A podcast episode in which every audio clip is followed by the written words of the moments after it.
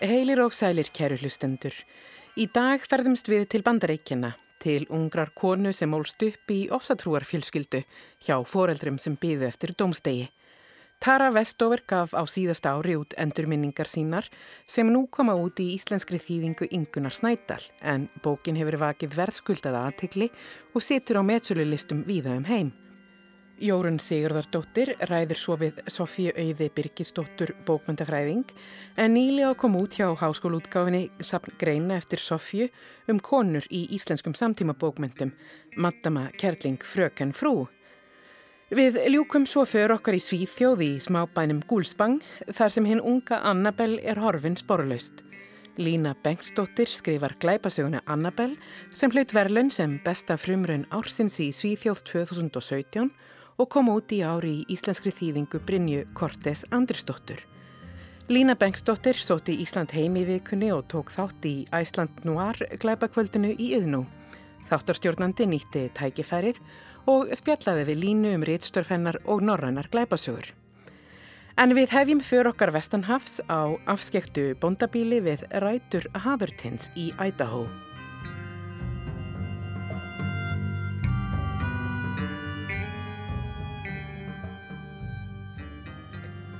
Endurminningabókin Educated eða Mentuð eftir Töru Vestover er nýkomin út í íslenskri þýðingu Ingunar Snædal.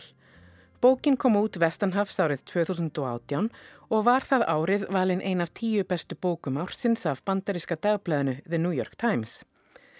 Í bókinni segir Tara frá uppvækstar árum sínum á bóndabæ við rætur fjálsins Havertins Yngst sjö barnaforeldra sem aðhyllast ofsafengna útgáfi af mormónatrú forðast yfirvöld og trúa á yfirvofandi domstag. Börnunum er öllum haldið utan skóla. Yngstu fjögur hafa ekki einu svoni fæðingarvottorð þar sem foreldrarnir vilja forðast að þau komist á skrá yfirvalda. Börnin læra að lesa úr biblíunni og mormónabók og frá unga aldri þurfa þau að strita á bondabænum að aðstóða móður sína sem starfar sem grasarleiknir og yfirsettukona og föður sinn sem sapnar járnarusli og byggir hlöður. Þessi lýsing hljómar eftirlivill sakleisislega, svona eins og lífið í húsinu á sléttunni, endur minningar skaldsugum Lóru Ingalsvældir sem ólst upp í miðvesturíkjum bandaríkina á 19. öldinni, en stór munur er hér á. Því að Tara Vestover er yngri en þáttarstjórnandi. Hún fættist árið 1986 og á meðan hún stritaði við erfiðisvinnu á bondabæ fóreldra sinna, leku jafnaldrar hennar sér í Nintendo og glaftu svo á Teenage Mutant Ninja Turtles í sjónvarpinu. Lífið sem Vestover lýsir í endurminningum sínum er erfitt. Hún býr við mikið harðræði en einnig miklu ást. En eftir því sem líður á endurminninguna er ljóstað eitthvað meira en aðeins trúarofstækir hjáir föður hennar. Hann virðist þjást af einhverjum geðkvilla sem hefur valdið því að hann dregur fjölskyldu sína út úr nútíma lífi og krefst þess að öll vinni þau að því að undirbúa hinn óumflíjanlega domstak. Eftirminnileg lýsing í bókinni gerist við loka árs 1999 þegar fadurinn er fullvissum að nú sé domstagur loksins upp brunnin en mikið var það rætt í fjölmiðlum að tölvekerfi heimsmyndur hrinja þar sem óttast var að forrið geti ekki unnið úr breytingunni frá 1999 yfir í nýja öld, 2000 eh, vandin svo kallaði. Jólin voru heldur rýr þetta árið. Við vorum ekki fátæk, fyrirtæki einar mömmu gekk vel og pappi vann enni í járnaruslinu, en við eittum öllu í byrðir. Fyrir jólinn heldum við áfram að undirbú okkur eins og hvert minsta atriði, hver lítill biti sem bættist við byrðageimsluna, gæti haft úrslita áhrif um það hvort við livðum eða dæjum. Eftir jól tók byðin við. Þegar domstægur rennur upp, sagði pappi, er undirbúningstímanum lokið. Dagarnir síluðust áfram og svo var komin gamlástægur. Við morgunverðarborðið var pappi alveg rólegur en undir róseminni sá ég glitta í spennu og eitthvað sem myndi á eftirvæntingu. Hann var búin að býða í svo mörg ár, grafa bissur, hamstra matvæli og hvetja aðra til að gera þið sama. Allir í kirkjunni okkar höfðu lesið spádómana vissu að dagar hryllingsins nálguðust. Samt gerði fólk grínað pappa, hlóað honum. Í kvöld fengi hann uppreist æru. Eftir kvöldmatinn las pappi í Jesaja bók í nokkra klukkutíma. Um tíuleitið lokaðan biblíunni og kveikt á sjónvarpinu. Tækið var nýtt. Maðurinn hennar Angie Franku vann fyrir gerfinhætta fyrirtæki og hafði bóðið pappa tilbóð á áskrift. Við trúðum því varla þegar pappi sagði já, en þegar litið er tilbaka var alveg dæmigert fyrir pappa að fara á einum degi frá því að hafa kvorki sjónvarp nýja útvarp yfir í að vera með gerfinhætta sjónvarp. Ég veldi stundum fyrir mér hvort pappi hafi samþygt sjónvarpið á þessu ári, einmitt vegna þess að hann vissi að þetta hirfi allt þann 1. janúar. Kanski vildi hann sín okkur smá brot af heiminum áður en hann sópaðist allur burt. Uppáhalds þátturinn hans pappa var The Honeymooners og þarna um kvöldið var sérstök útsending, nokkrir þættir síndir í röð. Við horfðum og byðum eftir endalókunum. Ég leita á klukkuna á nokkra mínútuna fresti millir 10 og 11. Svo á nokkra sekundna fresti fram að minnætti. Meira segja pappi sem sjálfnast veitti öðru en sjálfum sér aðtikli leit oft á klukkuna. 23.59 Ég held nýri mér andanum. Ein mínúta í viðbútt, hugsaði ég. Og svo er allt horfið. Svo varð klukkan 12 á minnætti. Sjónvarpið var enn í gangi byrtan fjall á teppið. Ég veldi fyrir mér hvort klukkan okkar væri of fljót. Ég fór fram í eldús og skrúaði frá krananum. Það kom vatn. Pappi satt kyrr og starði á skjáin. Ég settist aftur í sófan. 0005 Hver langan tíma myndi það taka þar til ramagnir færi? Voru einhver staðar varabyrðir sem heldu öllu gangandi í nokkrar auka mínútur? Í sjónvarpinu rifust svartkvít Ralf og Alice Cramden yfir kjötleif. 0010 Ég beigð eftir að myndin á skjánum flökti og dægi út. Ég var að reyna að taka eftir öllu þessa síðustu dýrðar stund. Skerri, gulri, byrtunni, hlýju loftinu frá varmadælunni. Ég fann fyrir þrá eftir lífinu sem ég hafði átt áður, sem ég myndi nú missa á hverri sekundu þegar heimurinn færi á kvolf og snerist gegn sjálfum sér. Því lengur sem ég satt kyrr, andaði djúft og reyndi að finna síðasta ilminn af föllnum heimi, þeimun meira gramdist mér að hann skildi ekki tortímast. Fortíðar þráinn vek fyrir þreitu. Einhver tíman eftir hálf tvö fór ég í rúmið. Ég leitt á pappa þegar ég fór, andlitið frosið í myrkrinu. Ljósið frá sjónvarpinu speiklaðist í ferhindu glerugunum. Hann satt eins og stitta, rólegur eins og ekkert væri eðlilegra en að hann sæti þarna einn, klukkan langt gengin í tvöða nóttu, að horfa á Ralf og Alice Cramden undirbúa jólabóð. Mér fannst hann virka minni en hann hafði gert um morgunin. Svipurinn var svo barnalega vonsvikinn að eitt andartak veldi ég fyrir mér hvernig Guð gæti neitað honum um þetta.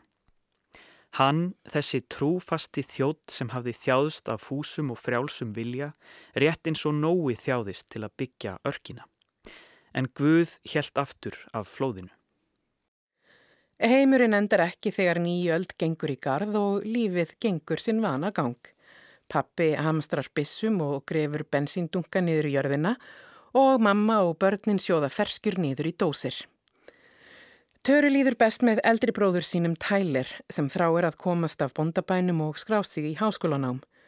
Hún dvelur inni á herbergi hans löngum stundum og hlustar þar á gisladiska með mormorakortnum.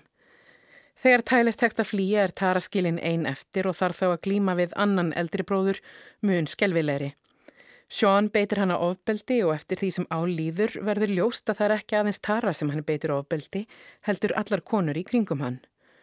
Og eftir því sem Tara eldist og verður þroskaðri, sérstaklega eftir hún kemst á kynþroskaaldur, því meira harðræði býr hún við. Bæði Sean en líka pappi hennar og móður er í mun að komi vekk fyrir að hún lifi skækjulífi, þau stjórna klæðaburði hennar, hegðun og vinskap. Töru dreymir um að afla sér mentunar, eitthvað sem er erfitt þar sem hún hefur aldrei sótt skóla, korki fengið að sitja í grunnskólan í framhaldsskóla. Hún kaupir undirbúningsbækur fyrir intökuprófi í banderiska háskóla og með sjálfsnami tekstin að ná það góðum árangri að henn er veittur aðgangur að Brigham Young háskólanum í Utah. Setni hluti endurminningabókarinnar gerist eftir að Tara hefur sloppið úr klóm fjölskyldu sinnar og segir frá því hvernig hún lærir að lifa í nútíma samfélagi. Tara hefur engar undirstöður til að lifa í veröldinni. Hún hefur aldrei heyrt minnst á helfuruna og heldur að Evrópa sé þjóðríki, ekki heimsálfa. Hún neykslast á jafnöldurinn sínum sem ganga um í þraungum buksum og stuttum bólum sem sína á þeim öklana og axlirnar. Tara þarf að menta sig, ekki aðeins til bókar heldur einnig til veraldarinnar. Og hún þarf að læra á sjálfa sig, hver hún sé eiginlega. Er hún Tara, dóttir Jean og LaRue Westover, góð mormónastúlka sem hlýðir á vald föður sínum? Eða er hún Tara Westover, háskólanemi og ung kona sem trúir ekki á undirskipun kvenna í mormónabókinni? Mentuð eftir Töru Westover er grípandi frásögn Bók sem lýsir tilveru sem er svo fjarlægi okkur hér á Íslandi að við skáldskap í aðrar. Þetta er frásögna fjölskyldu, saga um ást og hatur, gleði og sorg, von og eftirsjá, bók sem erfitt er að leggja niður eftir að lestur er hafinn. Ingun Snædal þýðir bókina og gerir það listilega vel af mikillin nefni. Endurminningar töru eiga eftir að skilja lesundur eftir djúft hugsi.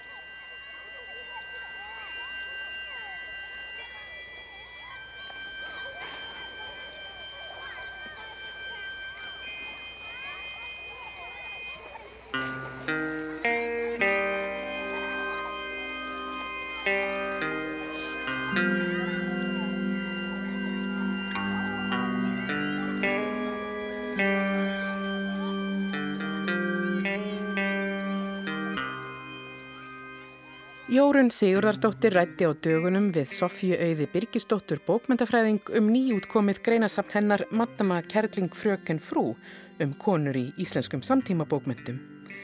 Sofía hjælt útgáfi fögnuð í Gunnarshúsi 25. september síðastlinn þar sem hún flutti ljóðið Viðvörun eftir Jenny Joseph í þýðingu Magnu Mattiasdóttur og er ljóðið flutt í þessum þætti.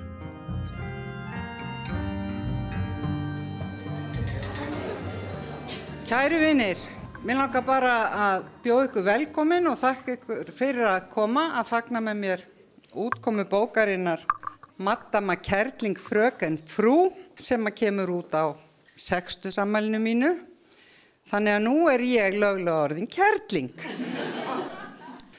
Sko, ég heyrði viðtal við unga skáldkonur í útvarpinu daginn sem að tilheyra hópinu Sveikaskáld þar sem þær voru að mæra kerlinguna Og svo fyrsta ammaliðskvæðjan sem ég fekk var frá Magnu Mattiasdóttur sem að setti ljóð inn á Facebookina mína sem ég langar að lesa fyrir ykkur. Og þetta er ljóð sem Magna þýtti eftir bresku skaldkonna Jenny Joseph og það heitir Viðvörun og ljóðir hljómar svona. Þegar ég verð kerling klæði ég mig í purpuraraukt og eldrauðan hatt sem er kvorki við hæfi nýja klæðir mig.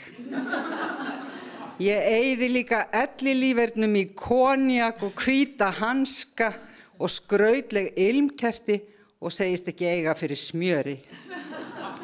Ég ætla að setjast á gangstjættina þegar ég verð þreytt og háma í mig sínishortn í búðum og ringja neyðarbjöllum og draga stafin yfir málmgrindur og götum og bæta fyrir yfirvegun æskunar. Ég hleyp út í rigningu á inniskóm og tíni blóm í annara manna görðum og læra að hrækja. Þá má maður verið ömulegum pilsum og allt og feitur og tróða í sig tilta pilsum í einum rikk og narta í brauð og súrkrast dögum saman og sapna pennum og blíjandum og hnetum og dóti í dósum. En núna þurfum við född til að halda okkur hita og borga leigu og forðast að blóta í heyranda hljóði og vera börnunum okkar til eftirbreytni. Við þurfum að bjóða vina fólki í kvöldmatt og fylgjast með fréttum. En kannski ætti ég að æfa mög núna svo þeim sem þekkja mig bregð ekki of mikið í brún þegar ég verð allt í einu kerling klætt í purpuraraukt.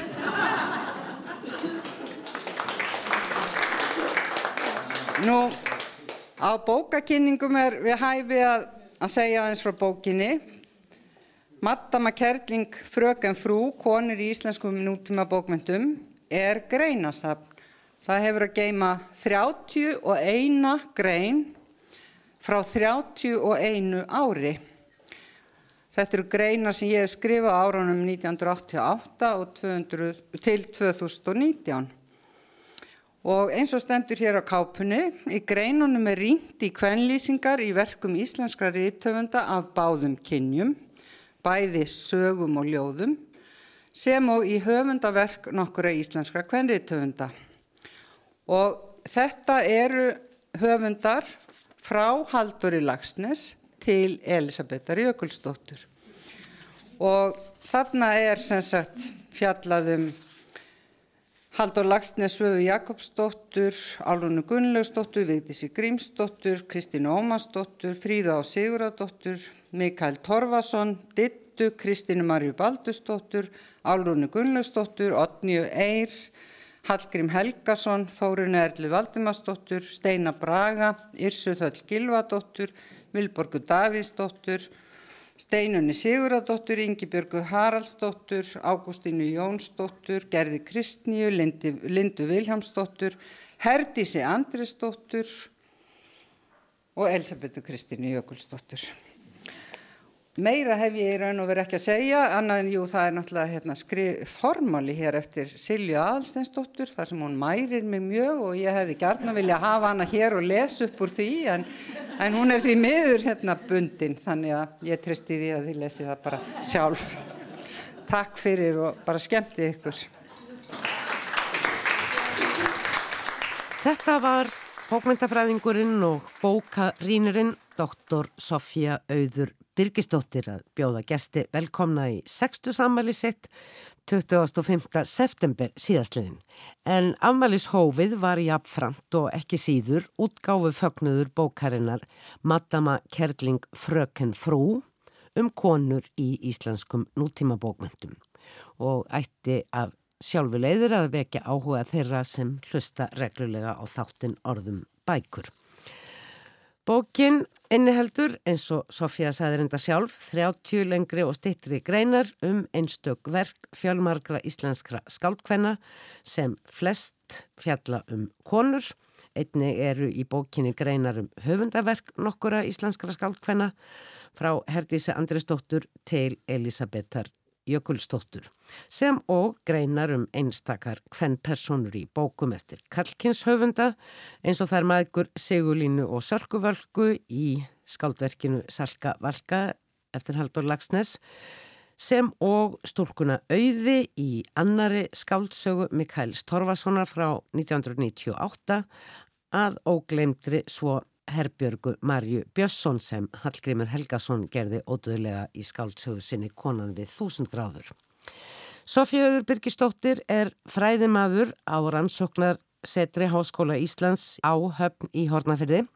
Hún stundaði á sínum tíma námi bókmyndafræðum við Háskóla Íslands og síðar framhaldsnámi samanbörðabókmyndum, kvenna og kynjafræðum í bandaríkjunum. Hún fekk doktorsnabót árið 2016 fyrir rítgerðum skreif Þorbergs Þorðarssonar. Ég skapa þess vegna er ég hétt rítgerðin og einnig bókin sem hafði komið út nokkru fyrr. Sofía Auður hefur í gegnum tíðina byrt fjöldagreina sem og bókmyndagakrinni í dagblöðum og tímaritum en einnig í reytrindum tímaritum jæmt innlendum sem erlendum. Þá er Sofía skrifað bækur sem tengjast fræðasviðum hennar, engum um hvennabókmyndir og uh, hún hefur átt greinar í fjölmörgum sabritum og reitstýrt slíkum verkum. Endrum og sinnum hefur hún líka stunda þýðingar og þá gerðan á verkum sem vakið hafa sérstakann áhuganar og tengst með einhverjum hætti fræðilegum rannsóknum. Líkt og nýjasta þýðing Sofju á skaldsögunni Orlando eftir Virginíu Wolf sem kom út árið 2017 en Orlando fjallar jú um Orlando sem eru áhaldum hvors kynns sé eða hvers kynns.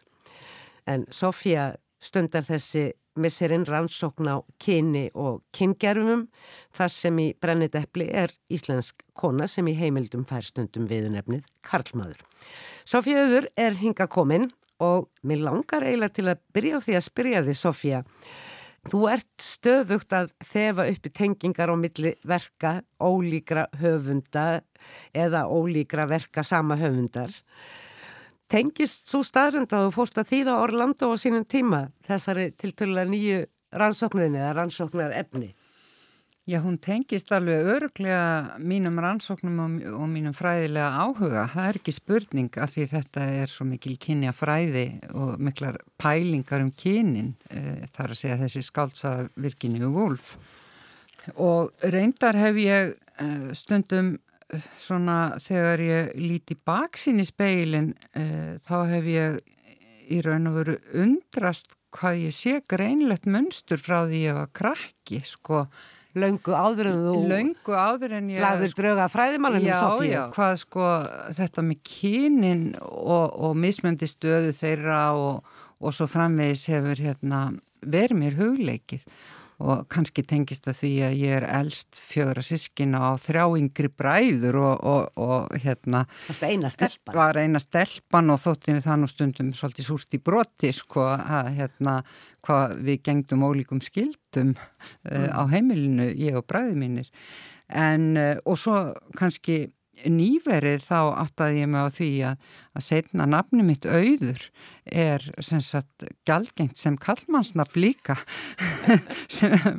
Svona svolítið skemmtilegt að, að, að pæla í þessu og ímislegt í, í svona mínu öllu mínu lífi sem tengist svona þessum uh, kynja pælingum getur við sagt. En stúmum okkur nú að eiginlegu umfjöldunar efni okkar hér og nú þó þetta, þetta tengist því nú auðvitað. Madama Kerling Fröken Frú, 30 greinar. 31. 31 grein. Frá 31 ári. En tímabili sem ég fjallaði um það spannar Uh, já, það, það er heil öll. Bókmentirnar sem að þú fjallar um. Já, sko, ef ég miða við sko verkin og fæðingar á skáldkvennana sko, því að það er þarna greinum höfundverk Herdísar Andrisdóttur sem að var sýstur Ólínu Andrisdóttur. Hún er fætt 1858 en sko síðasta greinin er, er rínt í höfundverk Elisabethar Jökulsdóttur sem er fætt 1958 þannig að bara þarna mill eru hundramáli ár en svo er náttúrulega svo sem fjallagi um yngri skáldin Elisabethu. Svona greinasamt, þetta hlýtur náttúrulega að vera mikið verk að fara í gegnum já, tugi, jáfnvel, yfir hundrað greinar eða meira, ég veit það ekki. Hvernig kom þetta eh, þér fyrir sjónir svona þegar þú varst að fara í gegnum þetta kom eitthvað þér verulega óvart í þessum greinum sem þú varst að velja úr? Já sko eins og titillin gefur til kynna þá valdi ég í bókina sérstaklega greinar sem að ég hef skrifað um konur og kvenlýsingar í bókmyndum og Ég hafði satt að segja úr yfir 80 greinum að velja. Almennt greina sem ég hef skrifað og ah. byrt. En þar voru náttúrulega fjöldi greinum erlendabókmyndir og greinar um, um hérna, sem að fjall ekki undir þetta þema beint. Mm. En eins og ég segi, var eitthvað sem að kom þér á óvart, eitthvað sem þú förðaður þig á, já, ég hef verið farin að hugsa um þetta strax á þessum tíma eða var jáfnvel eitthvað sem ekki stóðst lengur eða þú vildir kannski ógjarnan setja í nýja bók? Ég ákvæm nú að ég ætlaði ekki að breyta neinu í greinunum, það er bara að standa eins og, og þær voru byrtar og það var í raun og veru svo sem ekkert sem að ég var ósattu við af þessum sem ég byrti en auðvitað kannski fundist mér einhverja greinar ekki alveg standa skæðakröfur sem ég ger í dag og þá náttúrulega valdi ég þær bara ekki inn sko. Mm. en elsta greinin er um Sölkuvölku eftir Haldur Lagsnes og hún er skrifuð í raun og með ég er enni í námi sko í háskólanum. Og ég var alveg við hana skiluru Svona samgreina frá ákveðnu tímabili, jáfnvel þótt að það sé bundið í ákveðna tematík eins og þetta er þarna þessi feminíski leiðar þráður en hins vegar má líka segja að á þessum 31 ári sem að uh, reytunar og byrtingatími greinana spannar það er ju tímaskeið mikill umbreytinga og mjög hraðrar þróunar einmitt á þessu fræðasviði feminísk fræði. Já. Þannig að svona greinasöpt þau eru ákveðin aldarspeil eða tíðarandarspeil að mista kosti. Vissulega og sérstaklega eins og, eins og getur um í, í svona fræðilegu samhengi og auðvitað sko veldi maður fyrir sér hvort að tími svona greinasafna sér úreltur sko af því að, að e, mikið af þessum greinum er nú voruð þið hægt að nálgast kannski, þú veist á netinu á tímaritt.is og, og þó náttúrulega ekki allar að því sem maður hafa... Heilmikið vesen. Það er, og maður það er vita mikið, að það séu til. það er nákvæmlega, það er það. Og, og sjálf sko í mínu starfi sem fræðimæður þá sæki aftur og aftur í greinasöfn kollega minna. Helgu Krestænja, Kristjánsdóttur Ástrás Eistinssonar og, og mér þykir mjög gott að hafa þau við hendina þegar ég er að grúska. Þá má líka segja að svona greinasöfn eins og þetta, þau séu til þess fallin að afhjúpa það uh, hversu stutt minni okkar stundum er og að höfundar falla jafnvel út á jæðaran eða jafnvel þetta algjörlega út úr umræðunni Já. en koma svo fram og, uh, og jafnvel vekja aðtegli manns á ákveðnum tengslum við uh, verk löngu síðar. Það má nefna í tilvikið þinnar bókar að þannig Fríða Sigurðardóttir Já. dregin upp á pall. Já, emmi og alveg stórmerkilegt hvað hún hefur hérna, farið undir yfirborði þótt að sé nú reynda nýbúða að þýða sko meðan nóttir líður á kýmvesku hérna, þannig að eitthvað staði lifir hún og líka annar höfundur sem að sko ætti að mínum að vera mun sínilegri í dag er Ágústína Jónsdóttir ljóðskáld sem mm. er fyrirna stert Já, ljóðskáld þú og, og, tekur hana fyrir sem höfundir Já, ég skrifa um, nei, ég skrifa um þrjár fyrstu ljóðabækur hennar saman en hún hefur gefið út margar síðar, sko. Mm. Þú nefndi nú þarna nokkra greinar sem, sem að fjalla um kvenlýsingar hjá kallöfundum, þær eru fleiri, til dæmis Kata eftir Steina Braga. Akkurat, Og- ég glemdi henni. Já, og, og hérna... Velverðingar. Já, allt í lagi að því. Svo er ég ímist að rýna sko í einstök uh, verk eins og Gunnlaðar sögu, Ringsól eftir Álrunu Gunnlaugsdóttur, Stúlkan í skóginum, Setu Ástasögu eftir Vigdísi, Elska mín ég degi eftir Kristínu Ómars og svo framvegis. Mm. Eða þá að ég reyni að, að rýna í höfundaverk eins og Gar- Ingi Bergar Svövu. Haraldsdóttir, Svöfu Jakobsdóttur, Herdísar. Herdísar og glemdri Andresdóttur og, og reyndar eru þarna tvær eh, greinar um Alrúnu Gunnlausdóttur að því að þær eru skrifaðar á mismundi tíma en, en Og saman mjög ólík Já, verk. já. Rán annars vegar og hins vegar þessi, þessi mikli sögulegi epos sem er gerist í útlöndum yfir. Ebrófljóti sem er mjög óvennileg saga í íslenskum bókmöntum í rauninni, skaldsaga. nákvæmlega. En mér langar aðeins í sambandi við hvernig svona greinasöfn eh, geta orðið tilefni til vísana, bæði til þess að draga upp eitthvað úr djúpi gleimskunar eins og fríðu Já. eh, á Sigurðardóttur, en líka eins og Silja Aðalsteinsdóttir bendir svo skemmtilega á í formála sínum og bendir það í því samingi á skáldsöguna Saga af stúlku eftir Mikael Torfason frá árunni 1998 sem fjallar um stúlku sem uppgötar á fermingadaginn sinn að hún fættist sem drengur en var breytt í stúlku Já.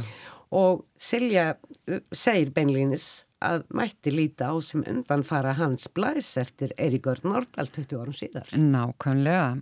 Ég, það vil svo til að ég hef líka skrifað um þá bók en, en það var eftir að, að, að þessi bók að fara inn í, í brendun. En já, þarna er Mikael Torfason með efni sko langt á undan sínu tíma getur við sagt og auðvitað markast líka efnistökina ykkur leiti af því. En það er mjög gaman að skoða þessar bækur saman og jafnvel sko ef við bara stökkum aftur í sölkuvölku að hún náttúrulega er að glýma við kynið og hún er að Já, já. vill ekki Gengur vera sterk. Já, já, hún er bara trans þarna á tímabili sko. Eða kannski ekki trans fyrirgefu, klæðskiptingur kannski Já, frekar. Já, eh, svolítið flókið, eh, flókið, þessi, þessi orð Já. öllsömmul sem við höfum verið að, að reyna að læra og erum enn að læra. já, En svo er líka svona tengingar millir gamals og, og nýs uh, eins og tengsl millir ljóðabókarinnar blóðhópnis eftir gerði Kristníu og skáldsögu Söfu Jakobsdóttur Gunnlaðarsögu sem að kom út 1987, gerðu Kristní 2013, það er Já. 30 ára milli. já, já. Og gerður hefur, jú, ég man ekki betur en ég hafi hlustað á fyrirlestur gerðar um svöfu. Smásögur hennar eða eitthvað, ég man það ekki. Já, þær eru náttúrulega að, að vinna á svipaðan hátt. Það er að segja, þær eru báðar að vinna með íslenska miðaldabókmyndir eða það sem við kallum fortsögur og fortkvæði og nota það sem svona uppsprettu skaldskaparins. Þótt að- Og það er þessi, þetta feminíska sjónarhorn í Já, rauninni. nákvæmlega og ný túlkun, ný túlkun á Í báðum- gamlum, já, á bókmyndaarfinum og en nú mikið verk en óunnið á því sviði hér á Íslandi. En gaman á nefni sko greina um blóðhópni að því þegar ég spurði móðu mína sem las bókina frá upphafi til enda hvaða grein hefði, henni hefði svona hugnast best að þá nefnd hún sérstaklega greinum blóðhefni af því að hún hefði fyrirfram ekki þekkt eh, sko efni sem gerðu var að vinna með og henni fannst mér fróðlegt að, að fá sagt skýringu á því og af því ég fer ofan í skýrtinsmál og, og rek þau og, og síni hvernig gerður er að nota það efni. Fræðileg skrif og almenn skrif. Þetta eru greinar sem hafa uh, mjög marga byrsti tímariti máls og menningar Já. en einnig annar staðar.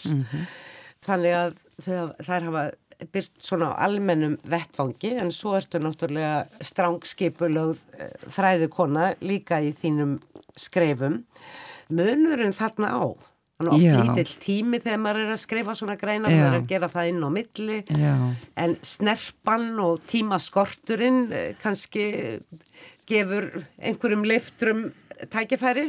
Að sjálfsögðu er, er, er einhver munur á strángfræðilegum greinum sem eru rýtrýndar eða hinum sem að, að eru ekki unnar á þann hátt. En ég er á þeirri skoðun að allir eh, eigi að geta lesið og skili fræðigreinar.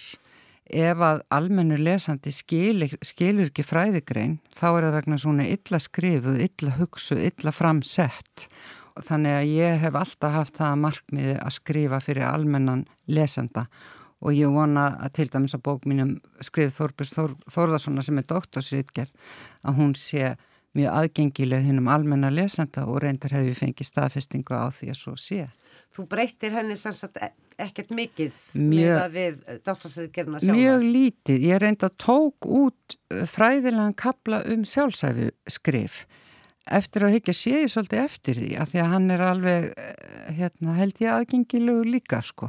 En það var kannski svona, já, til þess að, að auðvelda hinn um almenna lesanda eh, lesturinn. Sofía Auður, Madama Kerling, Fröken Frú, til hamingi með þessa bók og til hamingi með ammælið. Bókin er skemmtilega aflestrar, hún er það. endingagóð og afskaplega eigulig. Takk fyrir Gaman það. að fletta upp í henni Og falleg hérna má geta þess að kápan, kápumyndin er eftir Kristínu Ómarsdóttur og, og mjög skemmtileg. Litrík og skemmtileg. Já, Þessa bók finnur þú alltaf í bókaskápnum. já,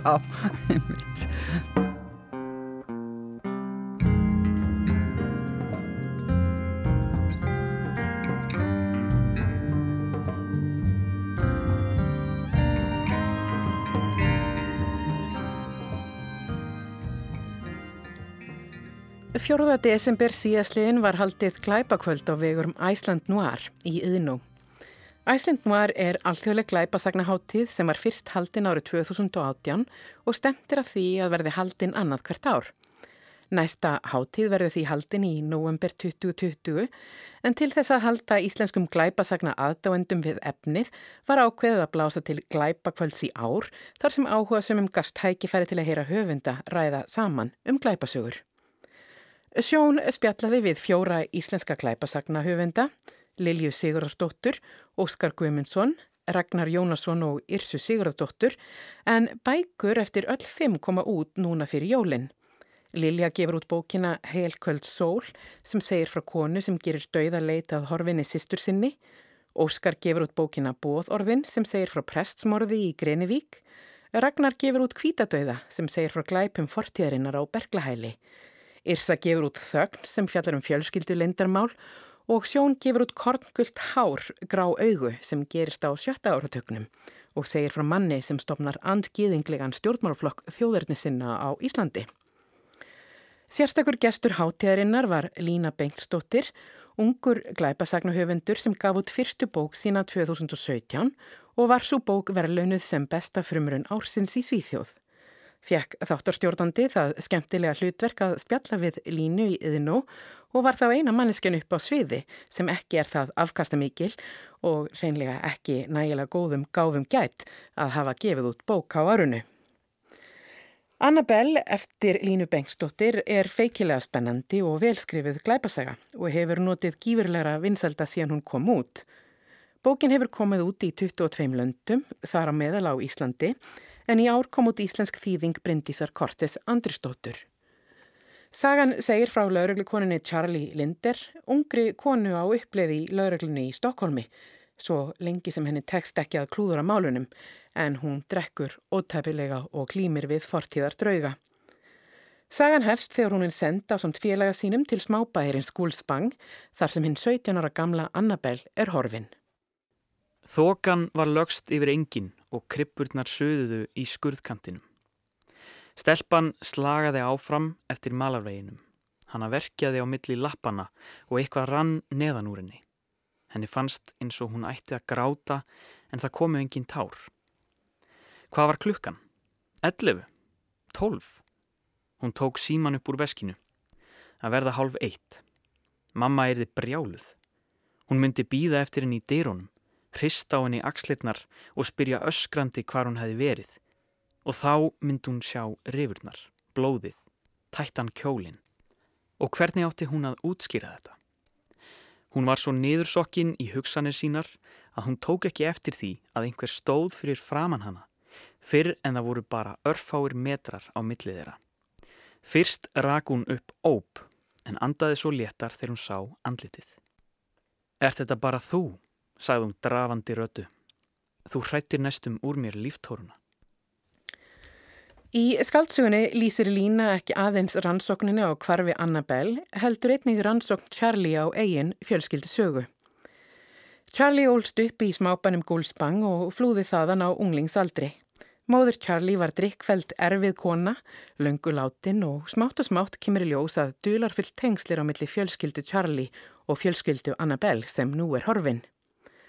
Staðakvenna er rauður þráður í bókinni. Charlie Linder er gamalkunnug söguhetja í norrætni klæpasagnahefð, eilitið brotinn og drikkfælt lögga, sögupersona sem við þekkjum vel til dæmis úr verkum Arnalds Indriðasonar og Hennings Mankels. En það er grundvallar munur á Erlendi Sveinsinni og Kurt Wallander og Charlie Linder í skaldsugu línu. Charlie er nefnilega kona og skapgerðar brestir sem samfélagið fyrirgefur í köllum eru síður ásættanlegir í fari kvenna. Í bókinni er kastljósunu beint að vináttu kvenna að samböndum mæðra og dætra, samböndum vinkvenna, hver sterk þau bönd geta verið og einnig hver skelvileg þegar þau vinda upp á sig. Lína Bengsdóttir lýsir öllum sögupersonu sínum af mikillir nefni og af mikillir samúð. Í bókinni er veld upp þeirri grundvallarspurningu hvort görðir sögupersona og ákvarðanir sjö val einstaklingsins eða hvort kringumstæður ráði för. Þegar Charlie Linder leggur af stað til Stokkólms í lókskaldsjónar eftir að rannsókn málsins líkur, hugsa hún með sér að í þessari sögu sjö aðeins þólendur. Í vikunni dróð þáttarstjórnandi Línu Bengstóttur upp á hálofti yðinó að loknu glæpakvöldi Æsland nú er og byrjaði á því að spyrja hana hvernig hún var að reytöfundur. I think I had had it in me uh, to, it started actually with that I made stories up when I was a young girl, a child and um, I started to read. Ég held að ég hef alltaf haft það í mér að vera reytöfundur. Ég byrjaði að segja sögur þegar ég var barnadaldri. Ég lærði að lesa mjög snemma, fór á bókasöfn og satar klukkustundum saman við lestur. Mig dreymdi lengi um að segja mínar eigin sögur og svo fór ég að skrifa. Ég tók kennarapróf og hófað vinna sem kennari þegar ég var fullorðin en ákvaði ég gæti ekki bara gefið upp draumin um að skrifa án þess að láta á hann reyna. Svo þá fór ég að skrifa með fram kennslu. Ég byrjaði því að skrifa ljóð og svo smásögur og svo fór ég að skrifa skaldsögur en ekki glæpasögur. Fyrsta skaldsagan sem ég sendi til útgifenda var svona alvöru skaldsaga en mér tókst ekki að selja hanna. Og þá var það að æskuvinkona mín úr Gúlspang saði mér að skrifa eitthvað sem fólk vildi lesa. Saði mér að skrifa glæpasögu og að sagan skildi gerast hér í þessum smábæ. Við höfum allt hérna. Við höfum stöðuvatnið og skóana og við höfum fólkið. Við höfum allt. Og ég sagði henni að ég gæti ekki skrifa glæpasögur, að ég kynni ekki að skrifa þannig sögur og hún sagði mér að ég gæti það sko víst.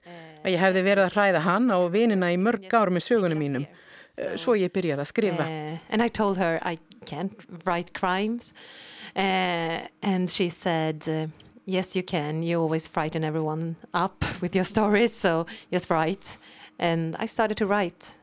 En hvernig skrifar Lína Bengstóttir skaldsögu sínar?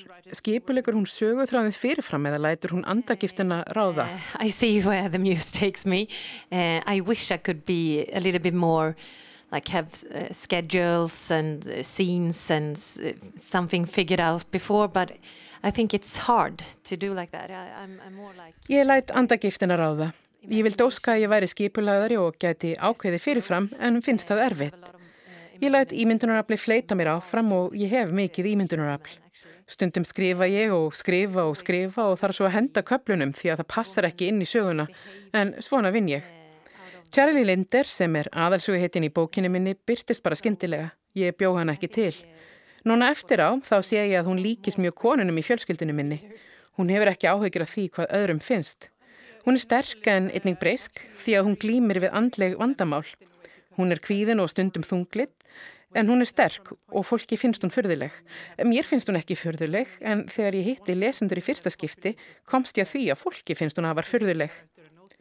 Ég held að fólki myndi ekki finnast hún fyrðuleg ef hún væri karlmaður en það er ekki eins samfélagslega samþygt að hegða sér eins og Charlie gerir fyrst að hún er kona.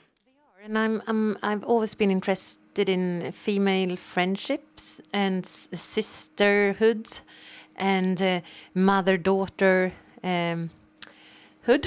so, and I guess that Ég hef alltaf haft áhuga á vináttu, kvenna og sístralagi og sambandi maðura og dætra Og þetta er ekki eitthvað sem ég skipuleg fyrirfram að ég ætla að skrifa um vinskap hvenna en eftir á er ég að fjalla um þetta.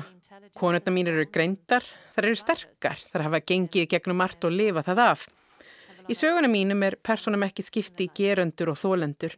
Við erum all þólendur. Lífið er flókið og það er margt sem liggur á bakvið hvað við gerum.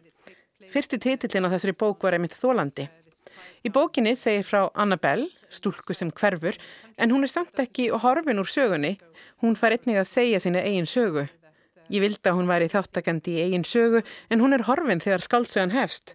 Svo ég þurfti að hoppa fram og tilbaka í tíma til að gefa henni tækifæri til að leifa henni að segja sína eigin sögu. Ég elska að segja sögur frá sjónarhóli unglingstúlna. Ég man svo vel eftir þeim árum. Uh, I remember that time. Uh, it's very... Um, it feels near to me still, even though it was a long time ago that I was a teenager. But I, uh, I, I, really wanted to go into her and give her a, a voice of her own. Lína Bengstóttir hefur þegar gefið út aðra bók sem segir frá ævintýrum Charlie Linder. Yeah, it's called Francesca and uh, it's a little bit different in that one because uh in uh, Annabelle it's about um, uh, society, the, the poor, a poor society, and uh, how how it affects uh, my characters. And now it's uh, the main character, um, except from Charlie, Francesca. She is a, a, boarding school student, and she's been um, Bókin heitir Francesca, hún er aðeins öðruvísin Annabelle sem fjallar um samfélag sem er fátækt. en í þessari sögu er sagt frá Francescu sem er í heimaveistaskóla og er rík. Og hún er greint og hefur allt sem hún ætti að þurfa en hún er óhammingisum og líður eins og hún passa ekki inn í samfélagið. Og hún hefur verið að sjá dularfulla hluti í kringum sig í skólanum og í fjölskyldinni og hún er horfin og Charlie þarf að leita henni. Ég segi sögu kvenna. Konur eru oft fjárverandi í samfélagsumröðinni og stundum hverfa þær algjörlega. Ég er feministi og í bókunum mínum leifi ég ímyndunaraflinu að ráða för og segja sögu þessara kvenna. Ég á þrjárdætur sjálf og stærsti ótti minn er að eitthvað komi fyrir þær. Kanski er ég einnig að rannsaka þennan ótta í verkum mínum. I'm a mother of uh, three girls and it's my uh, biggest fear that something would happen to them. So maybe I'm exploring my biggest fear too. Lína Bengstóttir vinnur nú að þriðji bóksinni en fyrstu tvær hafa notið mikill að vinsælda og komið út í 22 löndum. En hvernig hefur það haft áhrif á lífinnar að fara frá því að vera kennari í að vera meðsuluhöfundur? Actually, I, I feel so uh, like calm and happy. Uh, if it, it, I, I actually feel like I find my way home. It's not like, oh, I'm, a, I'm an author and I can do this and that. It's more like I can write and uh, I feel so blessed. Every, it's, it's cliché. Ég er svo afslöpuð og róleg. Ég er hamingisum. Mér líður eins og ég hefi fundið heimili. Ég er ekki alltaf að hugsa að ég sé rítuundur. Heldur er þetta hamingen yfir að geta skrifað. Þetta eru mikil forréttindi. Á hverjum degi þakka ég fyrir þessa gjöf. Mér líður svo vel og ég vona að ég geti haldið þessu áfram. Not a day goes by without me uh, thanking. I, I don't believe in it, but you know, um, uh, I feel very happy with it, and uh, I just hope that I can continue doing this. Önnur bók Línu Bengtsdóttur, Francesca, kemur út í íslenskri þýðingu voruð 2020 og eitt er víst að margir eiga eftir að telja dagana þar til þeir fá að hitta aftur lauruglukonuna Charlie Linder og fylgja henni í rannsóknar leiðangur.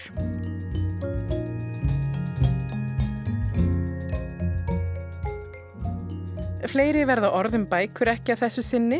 Við minnum á vefsíðu þáttarins á www.ruf.is skástrygg orð um bækur. Þátturinn verður aftur á dagskrá á sama tíma að viku liðinni. Verið þið sæl.